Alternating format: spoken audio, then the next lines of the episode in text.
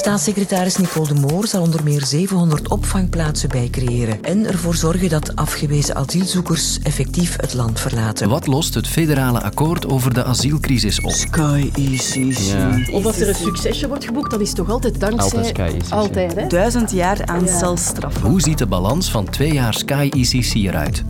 Dus de ESA wil dat de maan een tijdzone krijgt. Nu dat we toch plannen hebben om daar zoveel naartoe te gaan. Hey Siri, hoe laat is het op de maan? Sorry, ik weet niet waar dat is. En waarom heeft de maan een eigen tijdzone nodig? Hier op aarde is het tijd voor het kwartier. Ik ben Lode Roels, welkom.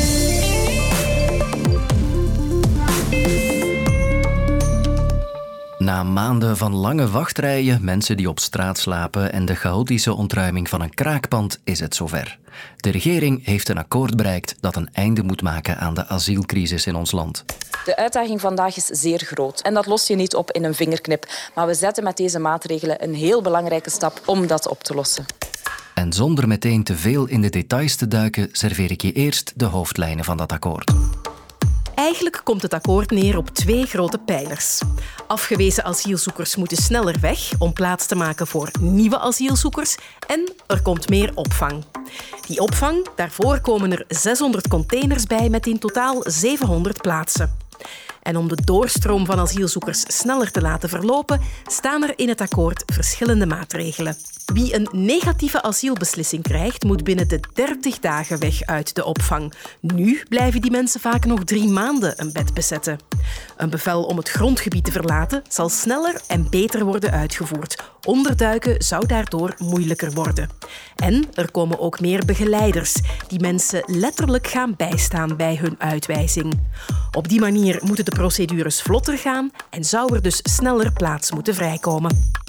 Ja, nu loop ik zelf al wel een tijdje rond bij VRT Nieuws, zo 25 jaar als ik goed tel. En mijn eerste reactie was toch vooral: wacht eens, dit heb ik allemaal al eens eerder gehoord. Het lijkt wel alsof elk akkoord over asiel en migratie telkens weer uit dezelfde ingrediënten bestaat.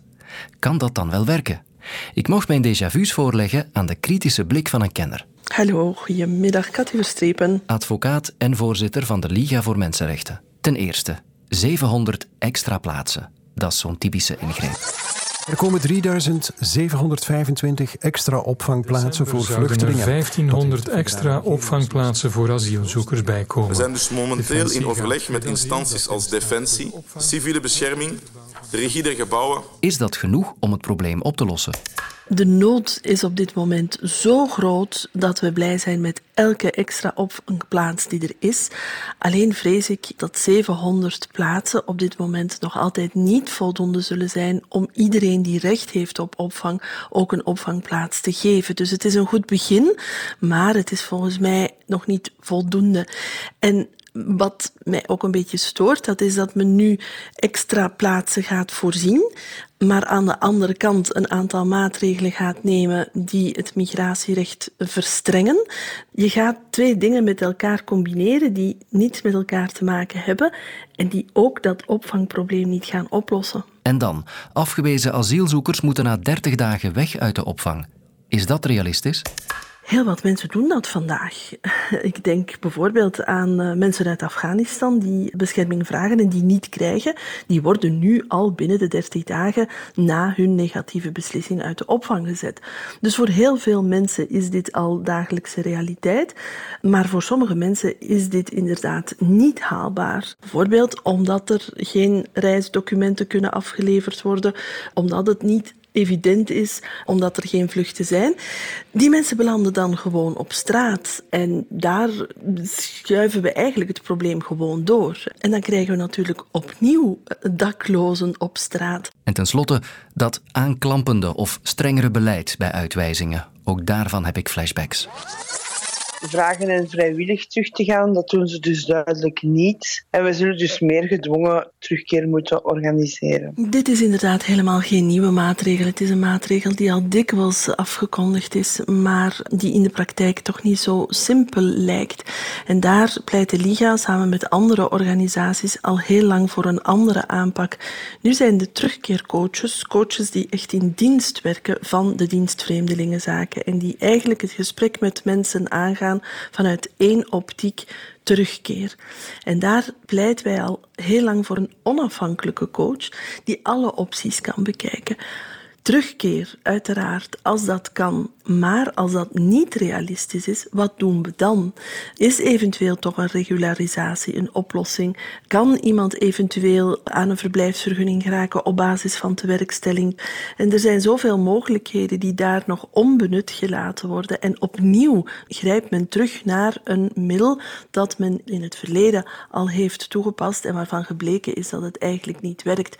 Dus ja, dat zijn allemaal dingen die men nu wel kan afkondigen en zeggen we gaan naar een strenger beleid, maar die eigenlijk heel weinig impact gaan hebben op het concrete en acute probleem. Hoe lossen we dit opvangprobleem op? Dus blij dat er 700 extra plaatsen voorzien worden, maar teleurgesteld in de verdere uitwerking. Ik was er zelf niet bij, maar ik kan me inbeelden dat enkele politiemensen in ons land in 2021 hetzelfde voelden als Indiana Jones, die de heilige graal vond.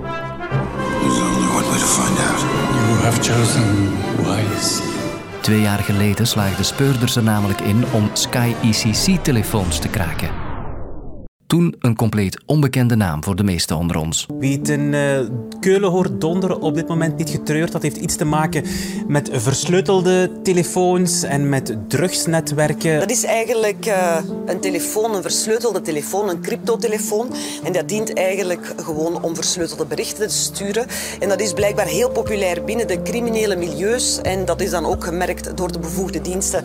Ons land is erin geslaagd om uh, dat telefoonsysteem, om dat Te kraken. Het is een kraak van de eeuw in de zin dat we uh, op deze manier een ongelooflijk beeld hebben gekregen van die georganiseerde criminaliteit in ons land. Het Belgische gerecht kon zo 1 miljard berichten onderscheppen en zelfs drie weken lang live meelezen met criminelen. Ik ben 28 jaar bij het Openbaar Ministerie. Ik dacht dat ik zo alles gezien had.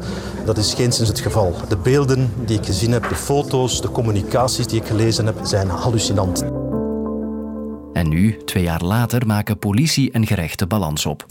Naar arrestaties toe hebben we een 525 mensen voorgeleid bij de onderzoeksrechters. We hebben ook al een aantal vrij pittig aantal ondertussen uh, uitspraken van de rechtbank, een kleine 25 ongeveer, waarbij een, een aantal honderden mensen uh, ondertussen ook veroordeeld zijn door de rechtbank eerste aanleg. En we zitten ongeveer op een kleine duizend jaar gevangenisstraf als je alles optelt. Carolien van den Bergen van onze justitieredactie, welkom. Uh, laten wij ook eens de balans opmaken. Als je dat bekijkt, twee jaar later, de gegevens op die versleutelde telefoons, dat heeft toch heel veel opgeleverd hè, uiteindelijk. Ja, absoluut. De structuur achter die misdaadorganisaties is uh, blootgelegd door de kraak van Sky ECC. Is duidelijk geworden dat je met een soort piramidestructuur zit. Onderaan de uitvoerders, uh, kleine jonge criminelen zou ik ze noemen, die dus uitgestuurd worden in de haven om de pakken drugs daar te gaan uithalen. Maar evengoed mensen met publieke functies, bij de politie, douane of privé, bij de havenbedrijven. Dat zijn de zogezegde corruptiedossiers, waar mensen dus betaald worden door de drugsmafia om informatie te leveren aan het netwerk.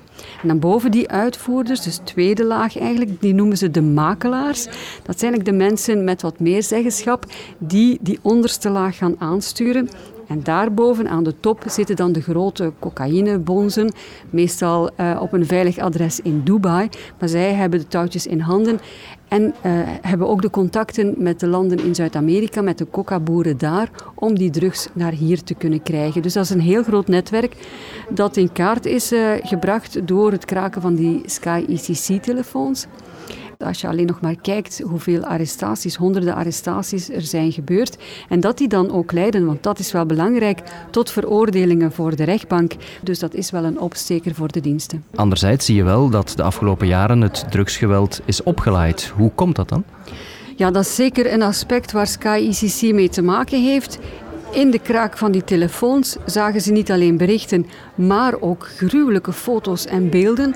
Letterlijk van mensen van wie het hoofd was afgehakt, mensen die in stukken waren gehakt. Die foto's zijn overigens ook in het parlement getoond.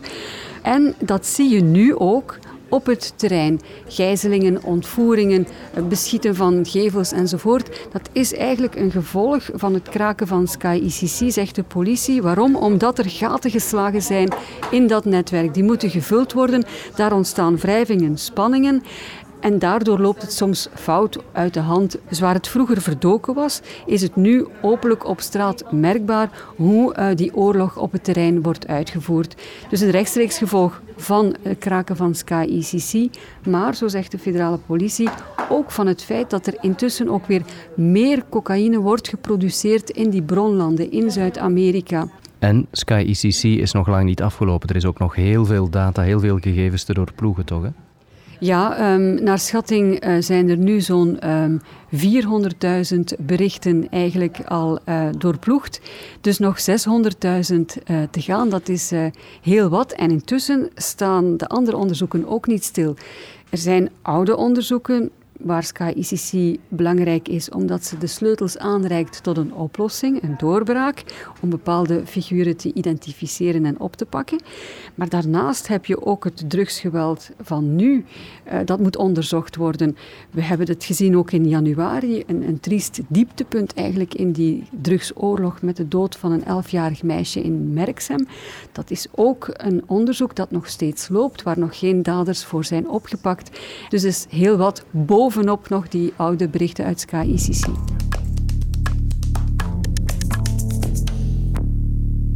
Voor ons volgende onderwerp moeten we een heel eindje afleggen. 384.400 kilometer om precies te zijn. We gaan namelijk naar de maan. Fly me to the moon. Let me play among the stars. Maar hoe laat is het op die maan als Frank Sinatra daar komt aangevlogen? Eigenlijk is dat gebonden aan de stand van de zon. Het is een lokale tijd. Dus zeggen, ja, hoe laat is het nu op de maan? Ja, eigenlijk heeft dat voorlopig geen nut, die vraag omdat daar geen mensen zijn en dan, ja, dan speelt dat ook niet. Er bestaat dus geen antwoord op die vraag. Of nu nog niet tenminste. Want het Europees Ruimteagentschap ESA wil de maan haar eigen tijdzone geven. Maar waarom? Waarom, behalve dan voor de vluchturen van Frank Sinatra, heeft de maan een eigen tijdzone nodig? Philippe Mollet van Volkssterrenwacht Mira legt het uit. Wel, op dit moment stelt het probleem zich nog niet, omdat het tijdsbegrip eigenlijk gebonden is aan de mens. En de mens, ja, tot nu toe leefde die op aarde, dus het is het aardse menselijke tijdsbegrip. Maar de dingen beginnen heel snel te evolueren binnen de kortste keren. Dan spreek ik van jaren, maximaal decennia. Eh, zullen de eerste kolonies op eh, de maan opduiken? En we kunnen maar beter zorgen dat we tegen dan al de, de juiste afspraken gemaakt hebben om verwarring te vermijden. De NASA bijvoorbeeld spreekt van binnen vier, vijf jaar terug bemande ruimtevaart naar de maan. En, en die andere spelers die volgen dan ook wel. En, en, en vandaar het initiatief een beetje van de ESA. Van ja, maar misschien moeten we daar toch goede afspraken maken. Om te vermijden dat ja, iedereen die naar de maan komt zijn, zijn eigen tijdsindeling gaat gebruiken. Want dan wordt dat weer een soepje. Zoals het uiteindelijk op aarde ook was tot ja, tot 140 jaar geleden, hè, tot de conferentie van, in Greenwich, waarbij de aarde in tijdzones is ingedeeld. Wel iets dergelijks zouden we dan ook op de maan moeten doen. De moeilijkheid zit erin, gans ons menselijk tijdsbesef is gebaseerd op ja, de rotatie van de aarde en het terugkomen van, van de zon, opkomen en ondergaan. En ja, we, hebben die biologische klok die, die ja, in de loop van, van miljoenen jaren erin gegroeid is, die daarop gebaseerd is. Dus we kunnen die niet zomaar gaan vervangen door een biologische klok gebaseerd op eh, het ritme van de maan. Want dag en nacht op de maan is geen kwestie van, van 24 uur, maar is een kwestie van 29 dagen. Vergeet ook niet, je gaat op de maan sowieso niet zomaar buiten rondwandelen. Je moet sowieso altijd al een ruimtepak aandoen. Dus we gaan ons waarschijnlijk op de maan toch ook moeten ingraven onder, uh, onder de bodem, ook al ter bescherming tegen de intense zonnestraling en zo. Dus vandaar die invloed van, van, uh, van zon, geen zon, gaan we dat misschien toch minder hebben. Als wij nu spreken van wat is een bewoonbare planeet, dan denken we aan, aan de omstandigheden van, van uh, de atmosfeer die leefbaar moet zijn en de temperatuur die hè, in de buurt moet komen en zoiets. Maar dit is wellicht ook iets dat voor de mens het leefbaar maakt. Een planeet waar de dag- en nachtcyclus niet te veel afwijkt van die van ons. Daar ga je je als mens toch gemakkelijker kunnen aanpassen.